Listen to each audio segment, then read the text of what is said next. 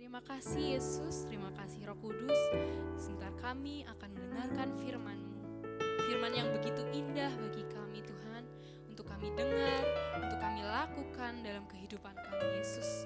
Terima kasih Tuhan, bimbing kakak kami Tuhan yang akan menyampaikan firman-Mu. Terima kasih Yesus, hanya di dalam namamu saja kami berdoa dan mengucap syukur.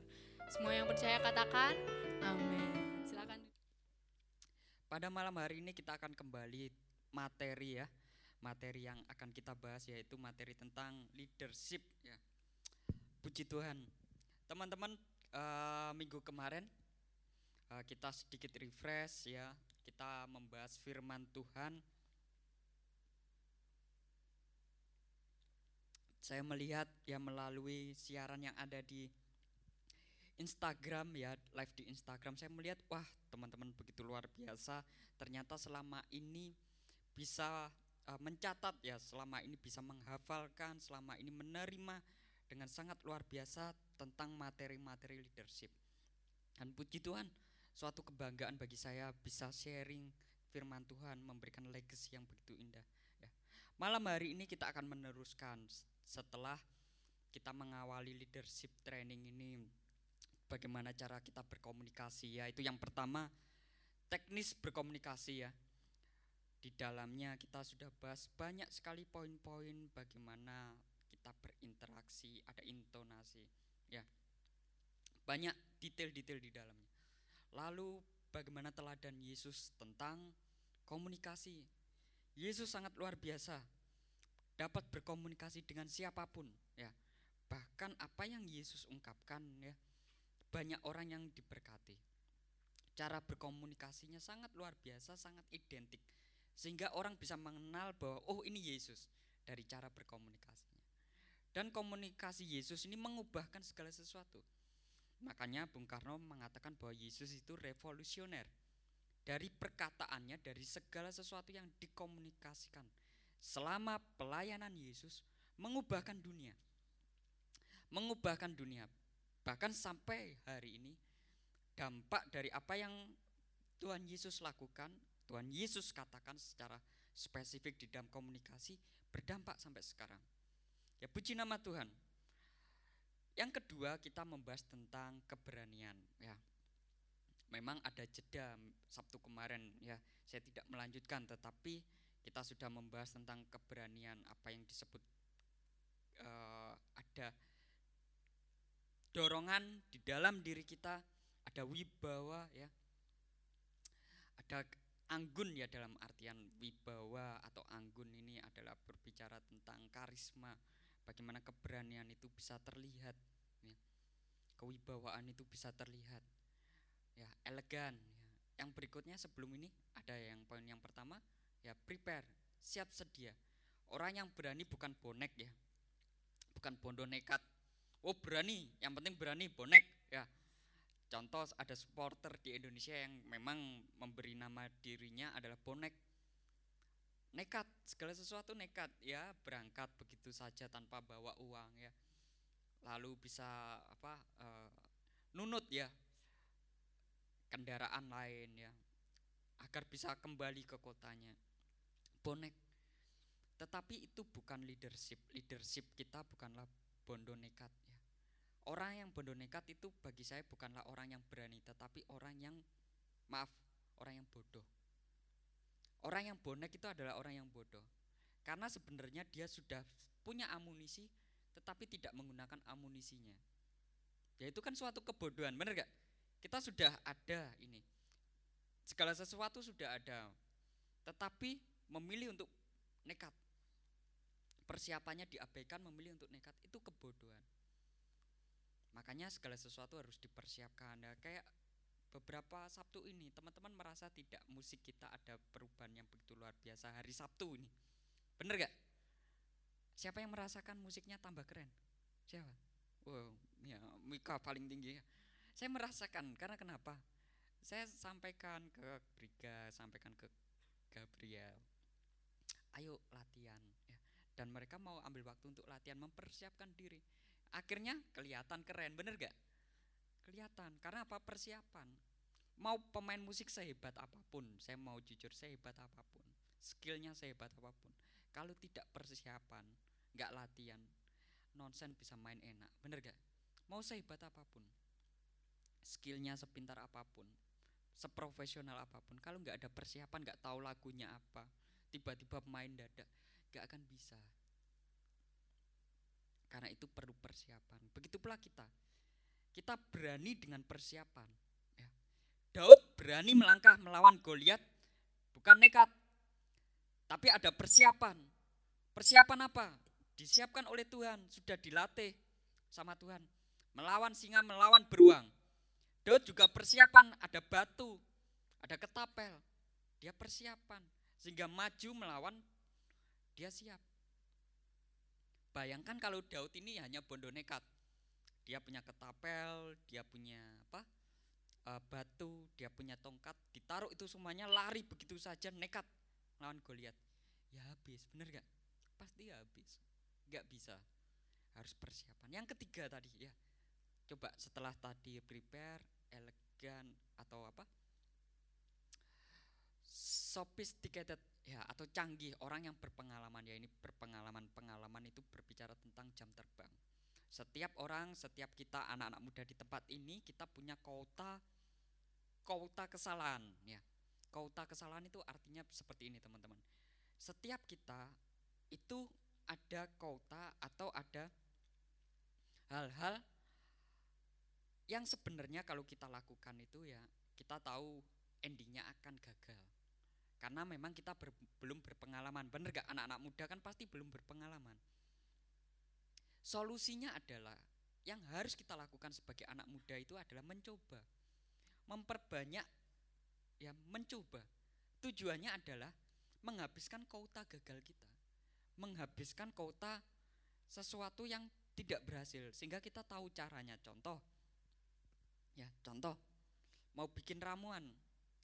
Mau bikin obat ya ini contoh lah. Kita ambil ilmuwan mau bikin obat bikin vaksin. Dia pasti banyak dengan percobaan-percobaan bener gak percobaan satu gagal percobaan dua gagal percobaan tiga gagal. Akhirnya sampai pada percobaan yang mungkin kesekian kalinya sampai menemukan formula yang tepat. Bayangkan kalau ilmuwan itu tidak pernah mencoba wah nanti lah saya mencoba lah gagal gimana? Punya prinsip takut gagal ya ini bahaya Seorang anak muda kalau punya prinsip takut gagal, waduh, fail. Hidupnya pasti sudah gagal. Kalau kita di dalam hidup belum melangkah sudah takut gagal, jangan harap jadi orang besar. Jangan harap hidup kita berhasil. Karena apa? Belum mencoba sudah takut. Makanya perlu ada dorongan keberanian. Perlu saya dorong teman-teman punya leadership keberanian. Jadi leadership ini adalah soft skill, teman-teman. Soft skill. Leadership kalau saya bilang ini adalah kunci. Kunci kesuksesan kita, bukan hanya kesuksesan, kunci tentang kehidupan. Saya mau tanya, sebuah pintu yang besar apakah dibuka oleh kunci yang besar juga? Pintu yang besar, contoh pintu di belakang kita itu ya cukup besar ya. Pintu masuk dari tangga masuk ke ruangan utama ini. Pintunya besar. Saya tanya, lubang kuncinya apa sebesar pintu itu? Enggak. Lubang kuncinya seberapa? Kecil, bener gak? Soft skill mungkin teman-teman broadcast, ngundang teman-teman yang. Ayo datang leadership. Ayo datang pemuda, kita diajari tentang soft skill, tentang leadership, tentang legacy-legacy yang indah. Mereka mungkin beranggapan bahwa ah pentingnya apa? Nggak penting hal kecil nggak penting bagi saya. Ya. Tetapi teman-teman harus tahu bahwa pintu yang besar itu dibuka oleh kunci yang kecil. Jadi jangan pernah diabaikan. Kalau kunci itu ya teman-teman bisa membuka pintu yang besar kunci itu bisa juga menutup pintu yang besar. Artinya kalau teman-teman tidak bisa menguasai hal yang kecil ini teman-teman bisa menutup masa depan teman-teman sendiri tetapi kalau teman-teman bisa menguasai hal yang kecil ini, leadership ini teman-teman kuasai, maka hal-hal yang besar akan bisa kita buka. Jadi segala sesuatu bukan kaitannya adalah Oh kalau kita pengen nanti cita-cita yang besar saya harus melakukan hal-hal yang besar saya harus punya modal yang besar, saya harus punya kepintaran yang besar, saya harus punya segala sesuatunya besar. Belum tentu. Segala sesuatu selalu kuncinya adalah kecil. Karena itu kita belajar tentang leadership. Keberhasilan seorang leader itu bukan ditentukan oleh keberhasilan dirinya. Contoh, saya ini sebagai leader. Leader di pemuda ini saya ambil contoh diri saya saja.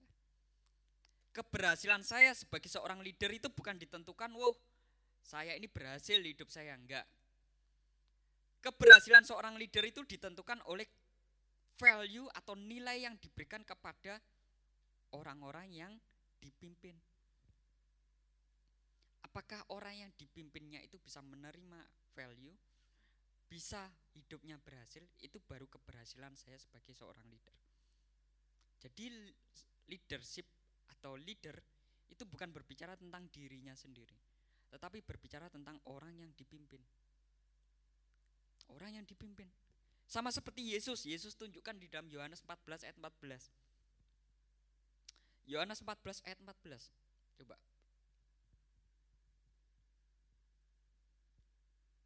Oke, ya. Uh, sebelumnya ayat ke-12 dulu deh.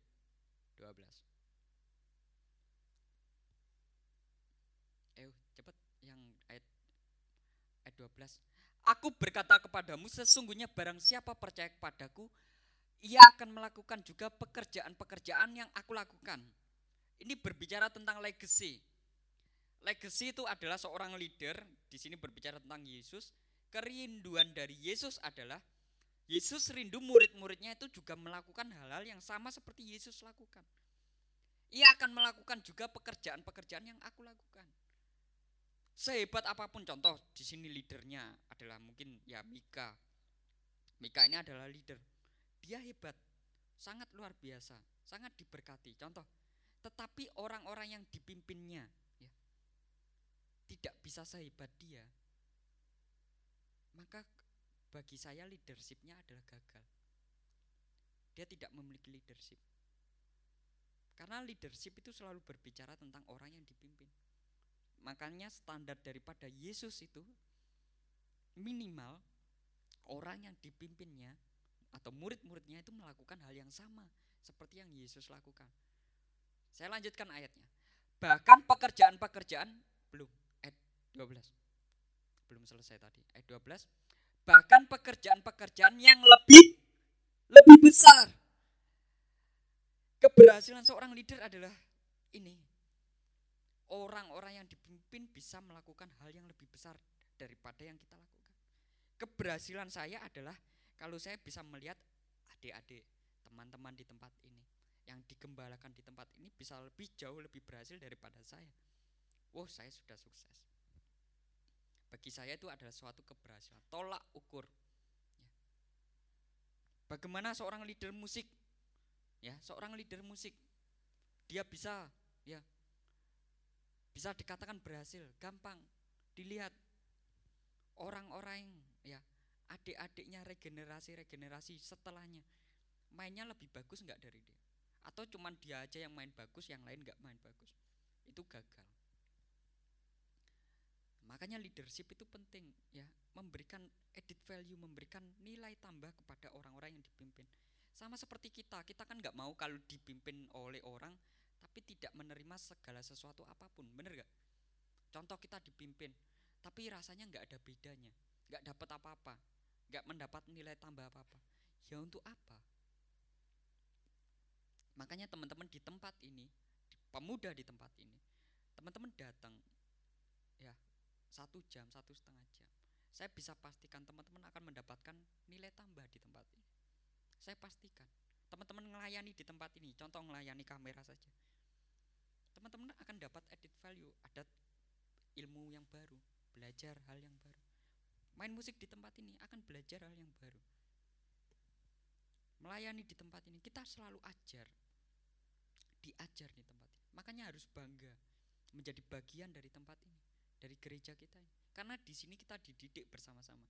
Enggak cuman teman-teman datang happy, kita datang contoh dengarkan musik bagus, dengarkan WL bagus, sukacita, happy, pulang begitu saja. Senang mungkin wah malam minggu ya enak ya, muji Tuhan. Tapi habis itu pulang begitu saja, nggak dapat apa-apa. Nggak mau. Teman-teman sudah spend time waktu untuk melayani Tuhan, untuk beribadah. Kita harus pastikan teman-teman dapat nilai tambah. Mendapatkan sesuatu ya yang berharga dari pelayanan kita di tempat ini. Oke, kita langsung masuk saja ya materi kita yaitu tentang keberanian. Keberanian ya. Berbicara tentang integritas atau karakter yang kuat. Seorang leader ya, dia harus memiliki karakter yang kuat. Karakter yang kuat ini adalah karakter yang bisa memberi daya tarik, bisa memberi pengaruh. Makanya di dalam firman Tuhan ya di dalam Matius 5, Matius 5 ayat yang ke-12 Dewa. Matius 5 ayat yang ke-12.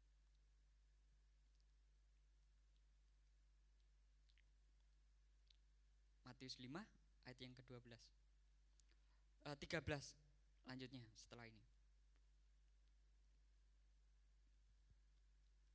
Kamu adalah apa? Sekali lagi, kamu adalah kamu adalah garam dunia.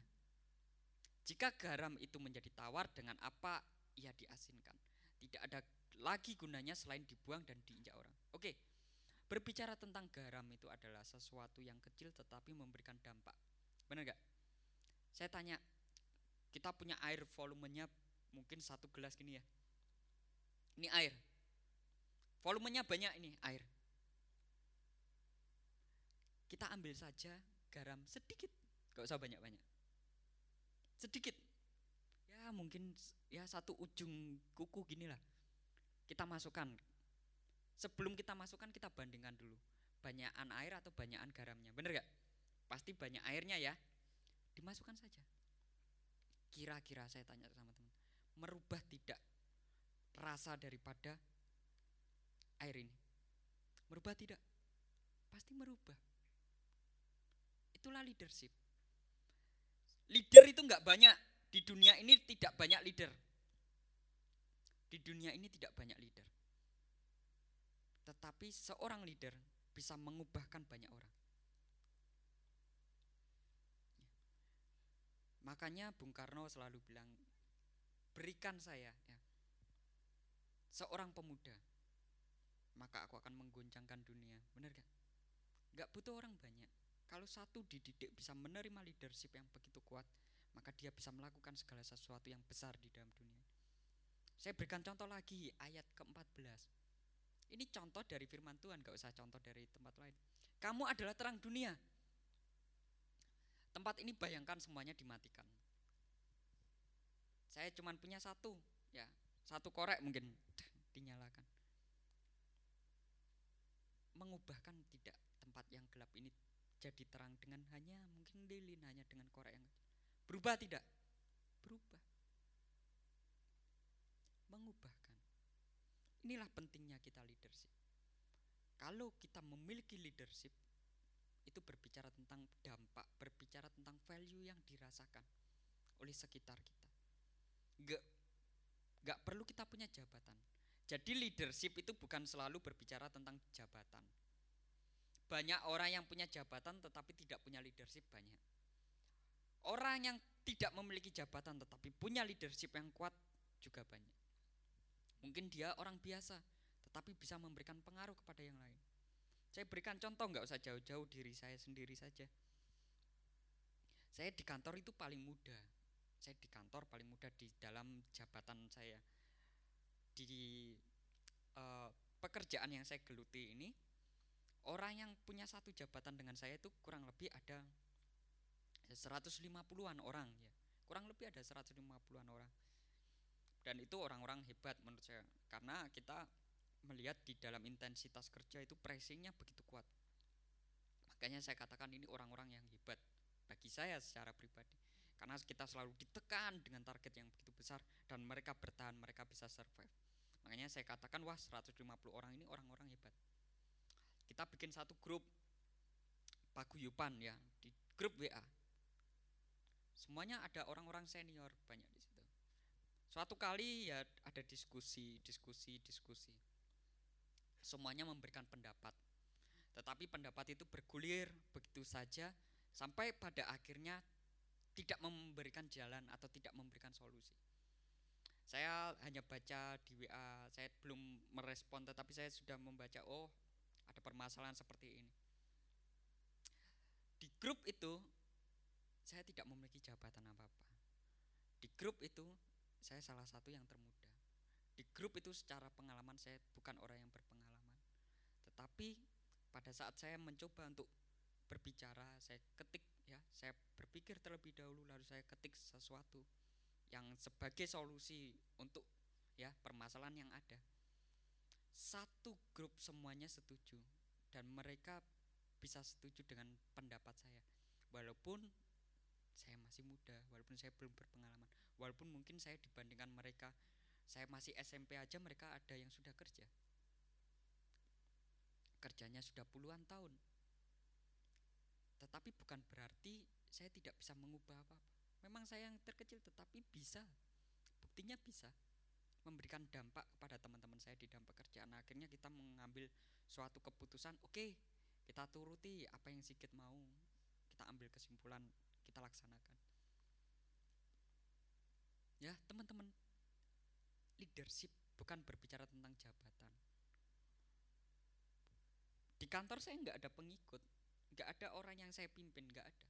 Tetapi jiwa leadership itu harus tetap ada dan memberikan pengaruh bukan saja kepada teman-teman, bukan hanya kepada orang-orang yang di bawah kita, tetapi orang-orang yang di atas kita pun bisa menerima dampak dari leadership kita.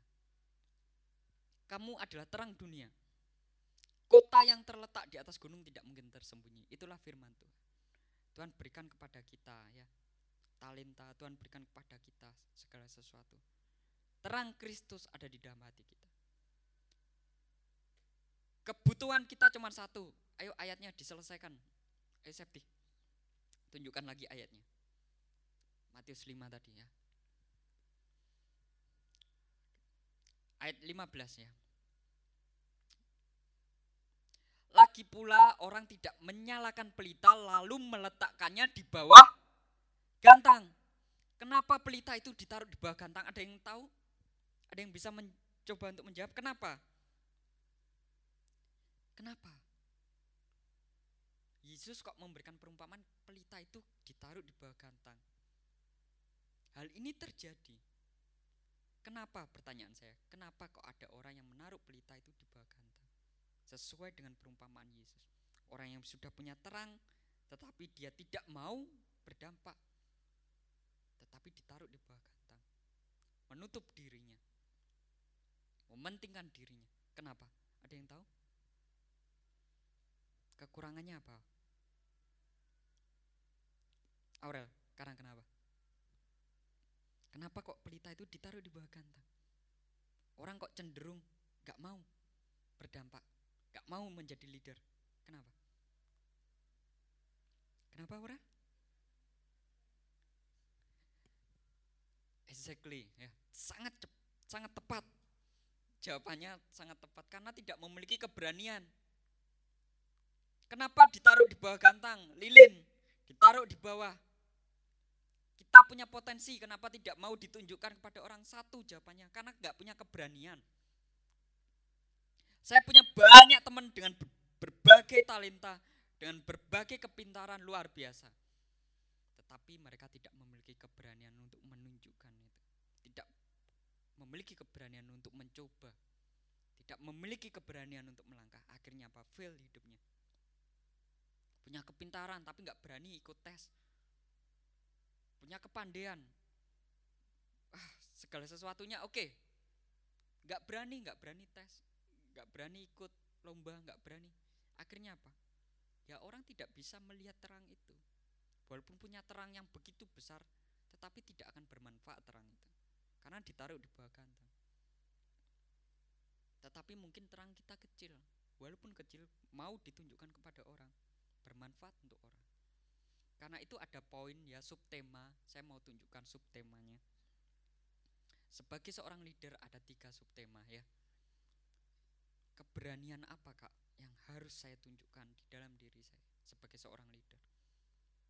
Bisa ditampilkan ya diketik. Yang pertama adalah berani memberikan solusi.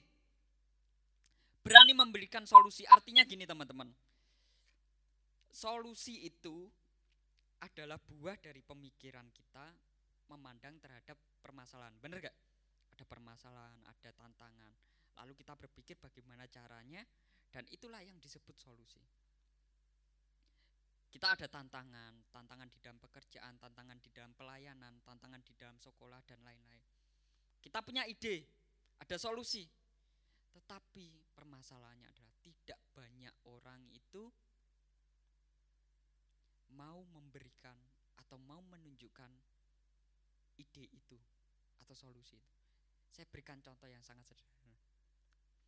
Teman-teman pernah nggak kalau pulang rumah ya, malam sebelum tidur teman-teman kadang bayangkan wah kalau saya melakukan ini oh saya punya ide nanti kalau usaha ini kelihatannya enak ya. Oh nanti kalau saya jualan ini contoh online ini wah keren. Contoh mungkin pemain musik wah saya punya ide kalau nanti kita buat channel YouTube. Ini contoh. Wah nanti bisa menunjukkan tutorial atau apa. Wah keren terus punya ide apa ide untuk sekolahnya ide untuk pekerjaan Tuhan. Tetapi kebanyakan setelah malam berlalu, ide itu kan muncul sebelum tidur. Setelah malam berlalu, besok paginya ide itu mati. Kenapa? Karena nggak berani untuk dilakukan. Banyak orang yang tidak berani melakukan idenya. Sehingga ide itu hanya sebagai bunga tidur. Hanya sebagai mimpi. Mimpi selama-lamanya tetap mimpi kalau tidak mau dilakukan. Benar gak? Tetapi mimpi itu bisa menjadi kenyataan kalau kita mencoba. Mimpi akan jadi kenyataan, akan jadi impian kalau kita berani mencoba. Walaupun kita belum mendapatkan, tapi akan menjadi impian kalau kita berani mencoba. Karena itu teman-teman, saya tahu anak-anak muda itu gudangnya ide, bener gak? Gudangnya ide di sini kalau saya bisa melihat ya mungkin saya lihat awan di atasnya dia punya banyak ide, bener gak dia? Waduh dia membayangkan nanti pengen ini. Oh kak saya pengen melakukan itu. Oh kak saya pengen usaha ini. Oh kak saya pengen tes ini. Saya pengen nanti kuliah di bidang ini. Saya lihat Gabriel awan di atasnya juga ada bayangan. Wah saya pengen ini kak. Saya pengen melakukan ini dan itu. Saya melihat Briga. Oh kak saya pengen nanti jabatan ini, pangkat ini. Wah sudah bisa lihat. Saya lihat Mika. Wah sudah ada ide banyak. Di dalam alam bawah sadarnya ya saya bukan peramal ya saya bukan melihat nih enggak. Tapi saya bisa melihat ada ide banyak di antara teman-teman. Ada jutaan ide, ada banyak ide. Tetapi permasalahannya adalah ada tidak di tempat ini yang berani menjadikan ide itu sebagai langkah. Melangkah, oh saya punya ide. Saya besok buka usaha makanan. Berani nggak melangkah? Coba. Oh kak saya punya ide. Nanti saya bikin lagu ciptaan. Contoh ini William. Oh saya sudah ada kebayang. Dia sebelum tidur membayangkan wah musiknya nanti enak buat gini ya dia sudah punya nadanya. Tapi seberapa banyak ide itu hanya menjadi bunga tidur? Besok pagi nggak dicoba sama dia. Hanya sebagai mimpi. Tidak menjadi impian. Tidak menjadi cita-cita yang akan dikejar. Karena itu teman-teman saya tahu saya nggak usah dorong teman-teman untuk punya ide nggak usah. Di sini semuanya pasti saya yakin dan percaya. Namanya anak muda itu selalu punya banyak ide. Selalu punya jutaan ide. Permasalahannya cuma satu. Berani tidak mewujudkan ide itu menjadi kenyataan? Saya jujur ini saya sharing. Saya harus memberikan contoh sebagai leader. Saya punya ide malam kadang saya merenung kadang saya buka ya YouTube kadang saya buka referensi-referensi. Saya buka setelah itu malam saya merenungkan. Setelah saya renungkan pagi selalu saya coba. Masalah berhasil atau gagal itu bukan tujuan. Berhasil atau gagal itu adalah dari trial try and error. Nggak apa-apa. Saya dulu punya cita-cita wah saya pengen buka usaha makanan. Saya coba beneran. Saya ambil tabungan saya saya coba. Dan terbukti gagal puji Tuhan gagal.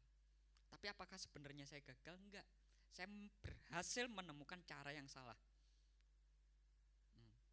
Pola pikir orang kan beda-beda. Bagi orang mungkin saya gagal.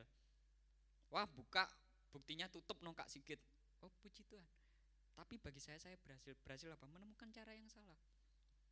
Oh ternyata pakai cara itu salah. Saya harus pakai cara ini. Saya belajar dari apa yang saya coba. Berani. Saya punya ide, contoh tentang pelayanan. Saya nggak pernah takut untuk menyampaikan kepada Bapak Gembala. Saya selalu sampaikan ide itu. Ide itu akan menjadi ide selama-lamanya kalau hanya kita simpan. Tetapi kalau berani kita nyatakan, solusi itu berani kita sampaikan, ya ide itu berani kita sampaikan maka akan berubah ide menjadi solusi. Jadi ide itu sebenarnya bahan dasarnya adalah, eh, sorry, solusi itu bahan dasarnya adalah ide. Tetapi selama-lamanya tetap akan jadi ide, bukan jadi solusi. Kalau tidak pernah kita mau nyatakan. Makanya tunjukkan lagi. Berani, berani menyatakan, berani menyampaikan solusi. Bukan hanya ide, ide digodok tetapi disampaikan. Sama seperti Daud, ya. Daud punya ide. Dia mau mengalahkan Goliat. Dia berani loh tanya ya saya mau tunjukkan. Ya saya coba cari ayatnya ya di dalam satu Samuel.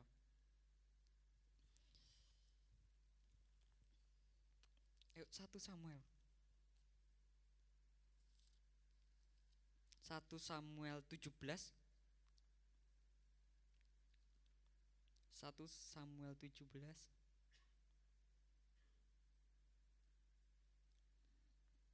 Coba ya dibaca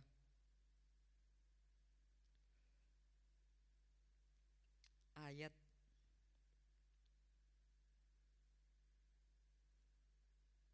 ayat 20 26 dulu deh, 26. Ya, saya bacakan ya. Ini di sini ceritanya Daud itu melihat Goliat dan tidak ada satu orang pun yang berani menghadapi Goliat. Apakah mereka jujur? Kalau kita mau tanya, apakah mereka itu sebenarnya orang Israel itu standarnya atau secara kemampuan di bawah Goliat? Jawabannya belum tentu. Benar gak? Belum tentu. Pertanyaan berikutnya, apakah Daud itu benar-benar lebih hebat dari Goliat secara standar atau kualitas perang? Juga belum tentu. Tetapi di antara semua orang Israel nggak ada yang berani. Cuma satu orang yang berani. Ini Daud. Lalu berkatalah, berkatalah Daud kepada orang-orang yang berdiri dekatnya. Dia itu bukan pasukan. Dia itu seorang gojek. Kak kok bisa toh? Daud ini seorang gojek. Benar, dia kurir. Ngantarkan makanan kok buat kakak-kakaknya. Bukan kan gojek itu, ya toh? GoFood pekerjaannya. Pekerjaan Daud, ngantarkan makanan. Tetapi pada saat dia mengantarkan makanan, dia melihat Goliat, dia bertanya kepada orang-orang di situ. Apakah yang akan dilakukan orang yang mengalahkan orang Filistin itu dan yang menghindarkan cemooh dari Israel? Daud berani menyampaikan. Dia bertanya, nanti dapat apa ini? Kalau saya bisa maju perang. Ya. Ayat 27. Rakyat pun menjawab ya, menjawab, begitulah yang akan dilakukan orang yang akan mengalahkan dia. Jadi rakyat ini sudah menjawab. Daud itu bertanya berkali-kali kepada orang-orang di situ. Ayat 28. Ketika Eliab kakaknya yang tertua mendengar perkataan Daud, ya, mengapa engkau datang dan siapa yang kau tinggalkan kambing domba? Ya. Aku kenal sifat pemberanimu. Aku kenal sifat pem pemberanimu. Keberanian itu harus ditunjukkan. Orang nggak akan dikatakan berani kalau tidak pernah menunjukkan. Keberanian itu harus ditunjukkan. Oke. Engkau datang kemari dengan maksud melihat pertempuran ayat 29. Tetapi jawab Daud, apa yang telah kuperbuat? Hanya bertanya. Ayat 30, saya tunjukkan alurnya. Lalu berpalinglah ia daripadanya kepada orang lain dan menanyakan hal yang sama. Ayat 31 terdengarlah kepada orang perkataan yang diucapkan oleh Daud, lalu diberitahukanlah kepada Saul. Dan Saul menyuruh memanggil dia. Pertanyaannya, Daud berani ya mengungkapkan idenya. Dan pada saat itu Saul memanggil dia. Pertanyaannya adalah, apakah setelah Saul memanggil Daud, lalu Daud tiba-tiba takut atau Daud tiba-tiba berubah karakternya lemah? Jawabannya tidak. Ayat 32. Berkatalah Daud pada Saul, jangan seorang menjadi tawar hati karena dia hambamu ini akan pergi melawan orang Filistin. Daud menyampaikan, berani menyampaikan. Daud tidak punya rasa takut. Dia seorang pemberani. Saya mau tanya pada teman-teman ya jujur. Apakah pada saat itu Daud jujur sebagai leader? Apakah dia punya orang-orang yang dipimpin? Jawabannya tidak. Dia nggak punya siapa-siapa. Dia cuma punya dua tiga ekor yang dia pimpin. Kita di sini mungkin kak saya ini bukan pemimpin buat apa leadership.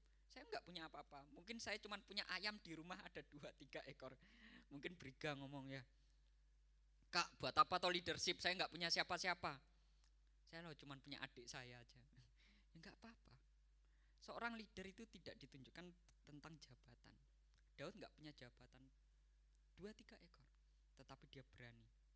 Ya, keberanian inilah yang saya dorong kepada teman-teman. Ayo berani. Punya ide sampaikan. Contoh rebana. Punya ide sampaikan ke koordinator. Koordinator sampaikan contoh kepada supervisi. Ada saya, mungkin ada kakak-kakak yang lain. Sampaikan. Jangan punya ide habis itu, ah gak usah wis.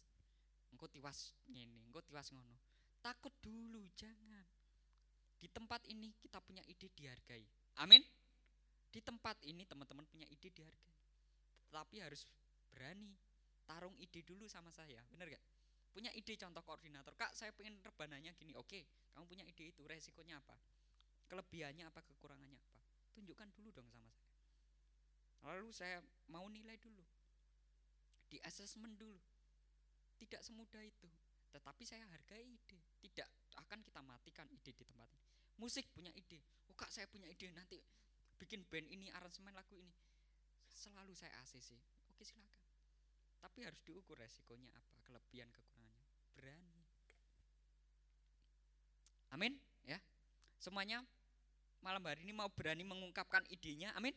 Siapa yang mau berani? Eh, jangan takut. Jangan takut. Di tempat ini saya salah satu ya yang sering saya apresiasi Mika.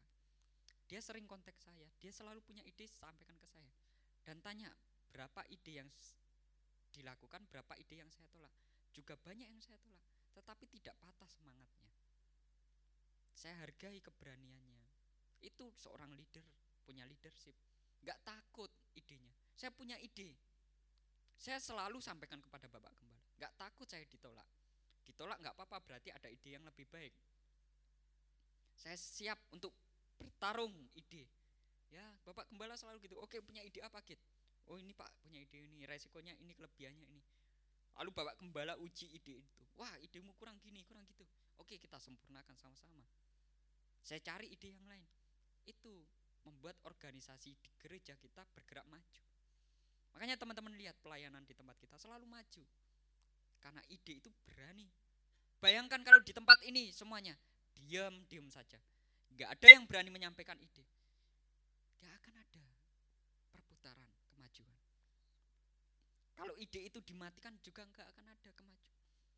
Makanya di tempat ini ayo berani sampaikan ide kepada koordinator-koordinator sampaikan kepada kakak-kakak. Kakak-kakak sampaikan kepada Bapak Gembala atau teman-teman mau sampaikan langsung pada Bapak Gembala. Gak apa-apa. Tempat ini kita saling menghargai. Tapi dorongan dari saya adalah ayo berani. Tetapi keberanian menyampaikan ide tidak akan cukup kalau tidak punya poin yang kedua. Poin yang kedua, ayo cepat saja. Poin yang kedua apa? Berani mengambil resiko. Mengambil resiko apa?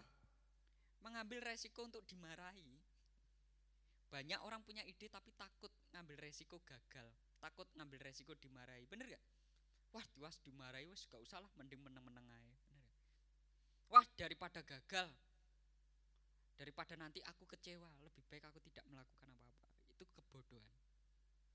Harus berani mengambil resiko. Seorang leadership ya seorang leader yang memiliki jiwa leadership dia selalu berani ngambil resiko. Contoh saya menyampaikan ide resikonya apa? Resikonya dimarahi bos saya. Paling pol gagal lalu saya harus dimarahi. So what namanya kerja namanya mencoba gagal itu wajar. Dimarahi hal yang biasa. Biasa itu artinya apa? Saya mau belajar makanya saya harus mendengarkan dimarahi wo karena saya mau belajar. Bukan takut malah nggak boleh. Karena itu saya dorong di tempat ini teman-teman. Belajar. Tetapi bukan nekat ya berani nekat nggak diukur resikonya enggak kita berani ada persiapan. Makanya dua Sabtu yang lalu kita sudah membahas ada persiapan. Ada persiapan. Nggak nekat. Di dihitung resikonya. Makanya selalu saya sampaikan idenya itu ada nggak kelemahannya? Gunanya apa? Untuk mengukur seberapa besar resiko. Makanya di dalam pekerjaan saya ya di dalam bidang ilmu yang saya pelajari itu sama dengan bidang ilmu Bapak Gembala. Kita ngambil risk management. Risk management itu artinya adalah mengukur resiko. Risk management adalah kita bisa mengukur resiko kerugian seberapa besar, tetapi kita juga bisa mengukur keuntungan kita yaitu ada namanya present value dan sebagainya. Teman-teman berdiri di tempat ini, teman-teman tidak melakukan apa-apa itu pun sudah ada resikonya kita bisa hitung. Teman-teman hari itu ya contoh hari Sabtu ini Mika tidak bekerja, dia hanya di rumah tidur saja. Itu sudah resiko. Dia sudah kehilangan kesempatan dalam satu jam kerja harusnya bisa mendapatkan berapa. Itu bisa dihitung. Tidur saja itu ada resikonya. Teman-teman tidak melakukan apa-apa itu sudah beresiko. Karena itu harus ambil resiko. Kalau saya, saya berani ambil resiko. Paling pol gagal kok. Lalu so? Kalau gagal kenapa? Masa malu diketawain orang? Hidup saya bukan karena orang lain kok. Mau orang ngetawain, mau orang ngomong apa, hidup saya tidak bergantung pada orang. Apalagi teman-teman hidup di kota Kediri. Harus pura-pura tuli. Kota ini kota yang kecil. Saya harus tunjukkan ini pada teman-teman. Kota kita ini kota yang kecil kota yang terlalu banyak mengurusi hal-hal yang nggak penting gosip hal-hal yang nggak penting. Omongan-omongan nggak nggak penting. Jangan takut diomongin orang. Jangan takut. Jangan takut. Sekali lagi terkadang saya melihat teman-teman saya di sekolah dulu waktu zaman saya sekolah nggak berani apa ya nggak berani menonjol itu karena apa?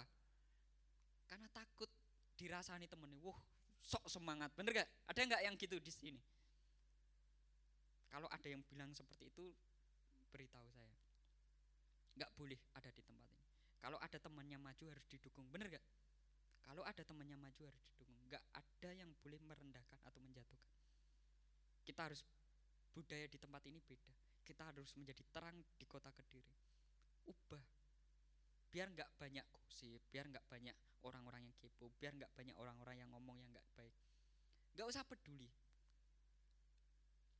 dari saya sekolah dari saya SMA saya ngambil keputusan Tuhan saya nggak mau mulai detik ini dengarkan orang lain dengarkan gosip dengarkan orang-orang yang melemahkan saya nggak mau makanya orang boleh bilang saya ini sangat cuek yo memang saya cuek saya nggak peduli tetapi kepada orang-orang yang saya respect, saya dengar-dengaran.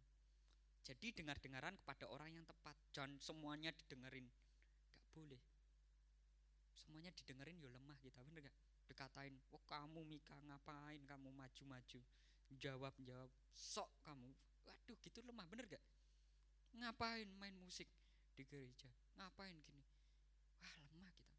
Gak mau saya dengarkan. Hidup saya gak bergantung orang lain. Kalau saya sukses pun orang lain juga nggak akan dapat apa-apa bener gak saya gagal pun orang lain juga nggak dapat apa-apa lah buat apa saya dengarkan orang lain hidup saya ditentukan oleh firman Tuhan. Dan hidup saya punya tujuan jadi terang untuk orang. Bukan berarti cuek lalu nggak peduli orang bukan. Kita mengasihi tetapi untuk perkataan yang jelek kita tidak mau dengarkan. Di dalam bilangan 13 ayat ke 32 cepat saja ya ini sudah poin kedua lalu sebentar lagi kita masuk poin terakhir saya mau tunjukkan di juga mereka menyampaikan kepada orang Israel kabar busuk tentang negeri yang diintai mereka. Kurang ajar ini 10 orang ini. 12 pengintai ini adalah leader dari ke-12 suku. Dipilih oleh Musa pemimpin dari 12 suku. Tetapi 10 orang di antaranya itu orang-orang yang sangat kurang ajar. Dia membawa kabar busuk.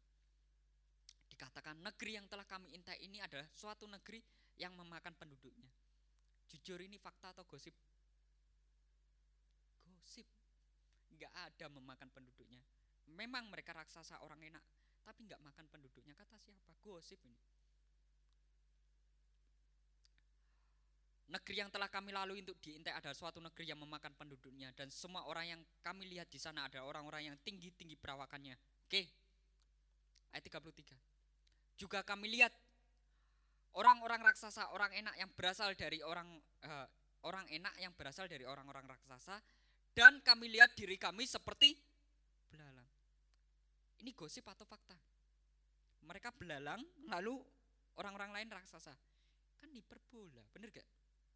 Gosip itu hiperbola. Buat apa mau dengerin? Dan parahnya kelu, uh, bilangan 14 ayat 1. Coba.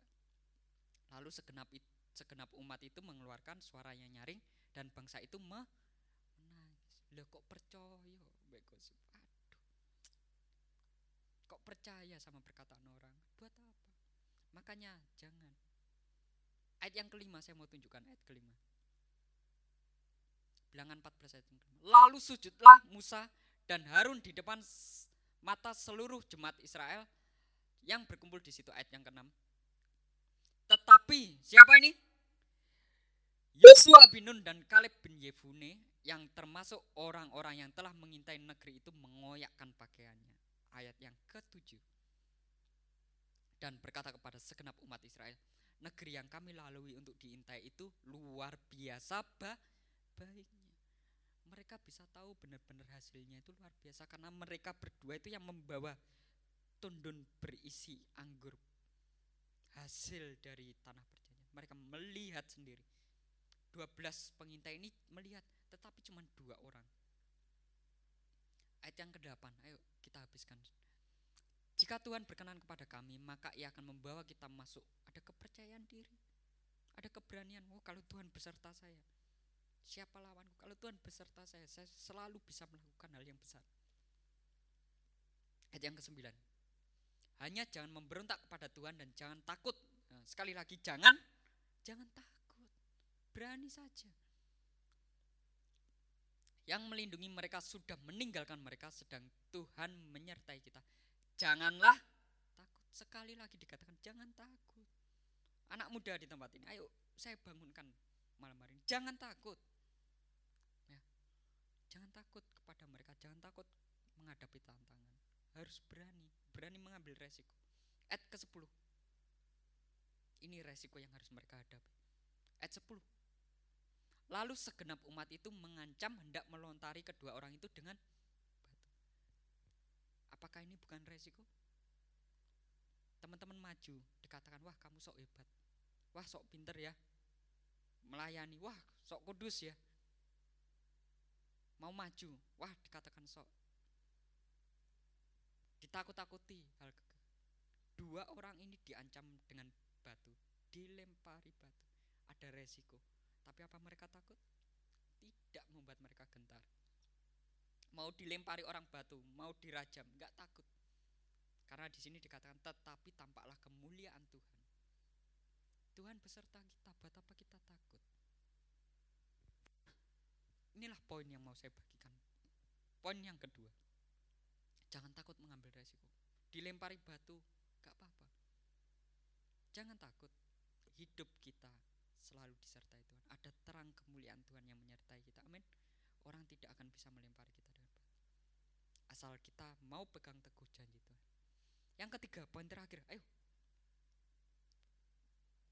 Tentang keberanian. Ini.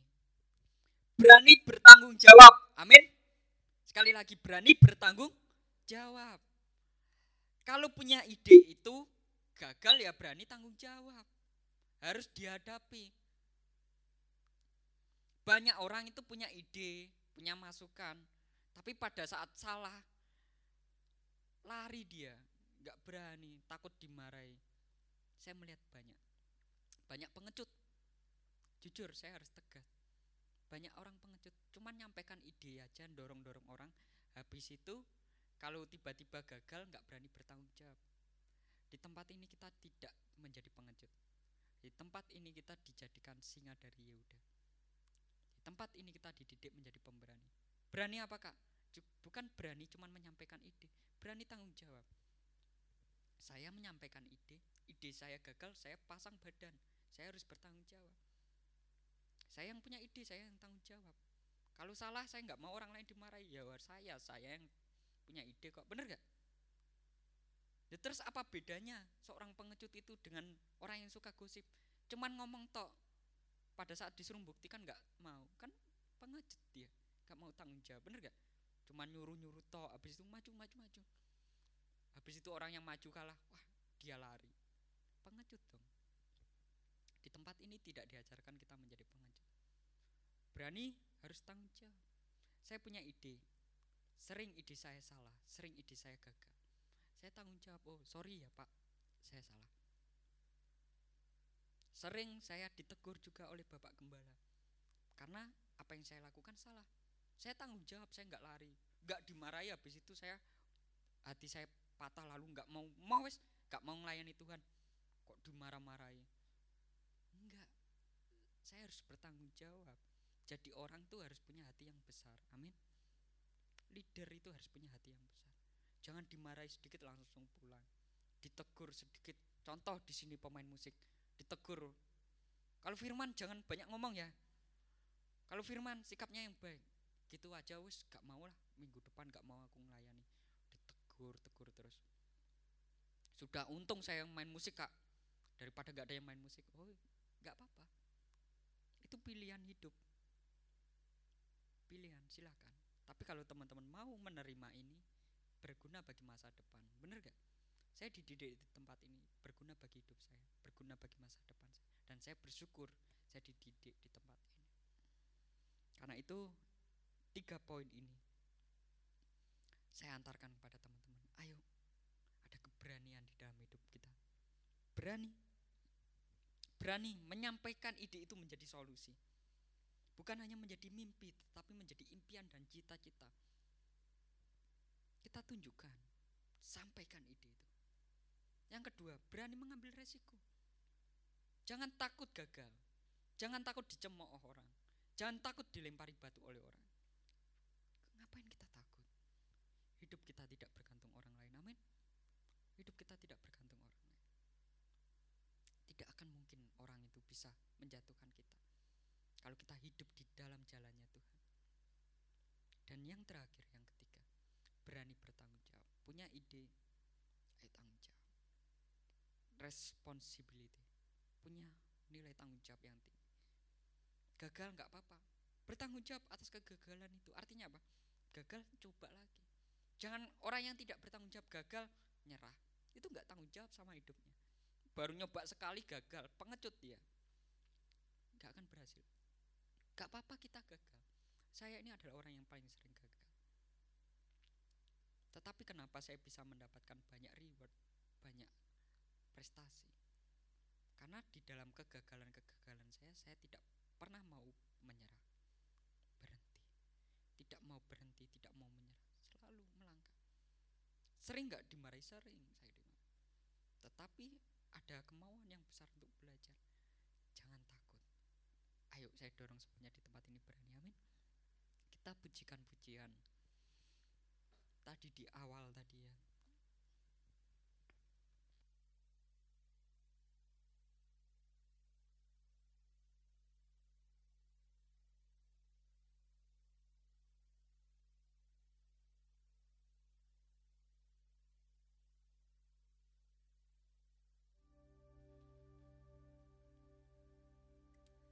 dalam cerita Kaleb dan Yosua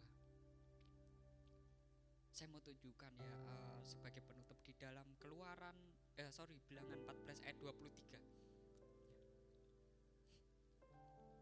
puji Tuhan. Ayat-ayat ini saya sampai hafal loh. Karena apa ya? Aduh sangat melekat ya sangat melekat. Apa yang disampaikan firman Tuhan di tempat ini? Waduh sangat melekat. Ayat berikutnya ayat uh, 21 dulu. Saya mau baca sampai selesai. Saya bacakan ya. Keluaran 14 uh, eh, sorry bilangan 14 saya sangat diberkati dengan ayat-ayat ini ya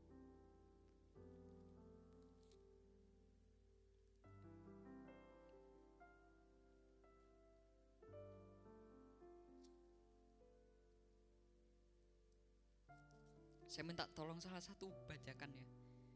Salah satu bangkit berdiri untuk bacakan ya. Hmm, Mika ya, minta tolong ya bacakan ayat mulai dari ayat yang ke ke-20.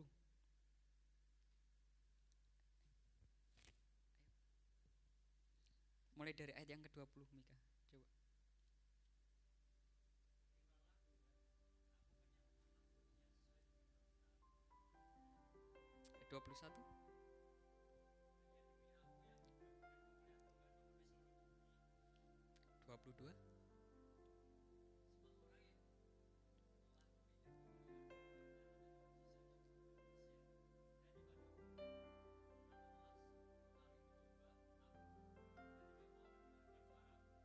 23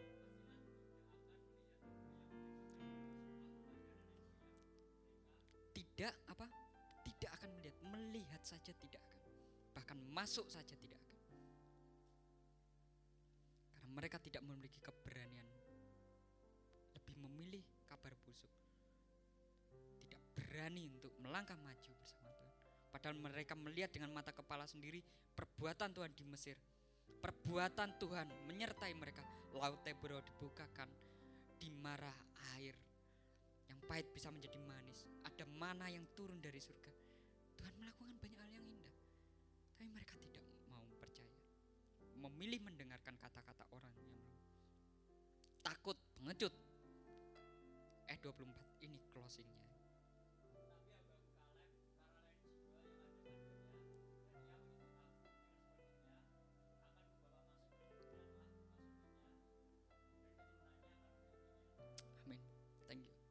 Ada yang tahu di sini? Kaleb itu arti dari kata Kaleb itu apa? Arti dari kata Kaleb itu adalah Kaleb itu adalah sorry ya sebutan hewan yaitu anjing. Kalau kita tahu hewan itu ya hewan anjing, kehebatannya cuma satu berani. Ada orang masuk langsung berani, bener gak? Maju gitu saja, gak peduli. Kaleb dikatakan di ayat ini lain jiwa yang ada padanya, ada keberanian karakter. Karena itu yuk teman-teman kita bangkit berdiri. Saya dorong sesuai dengan firman Tuhan. Yuk berani. Punya karakter sama seperti Kaleb. Ayat 24 di sini dikatakan lain jiwa yang ada padanya.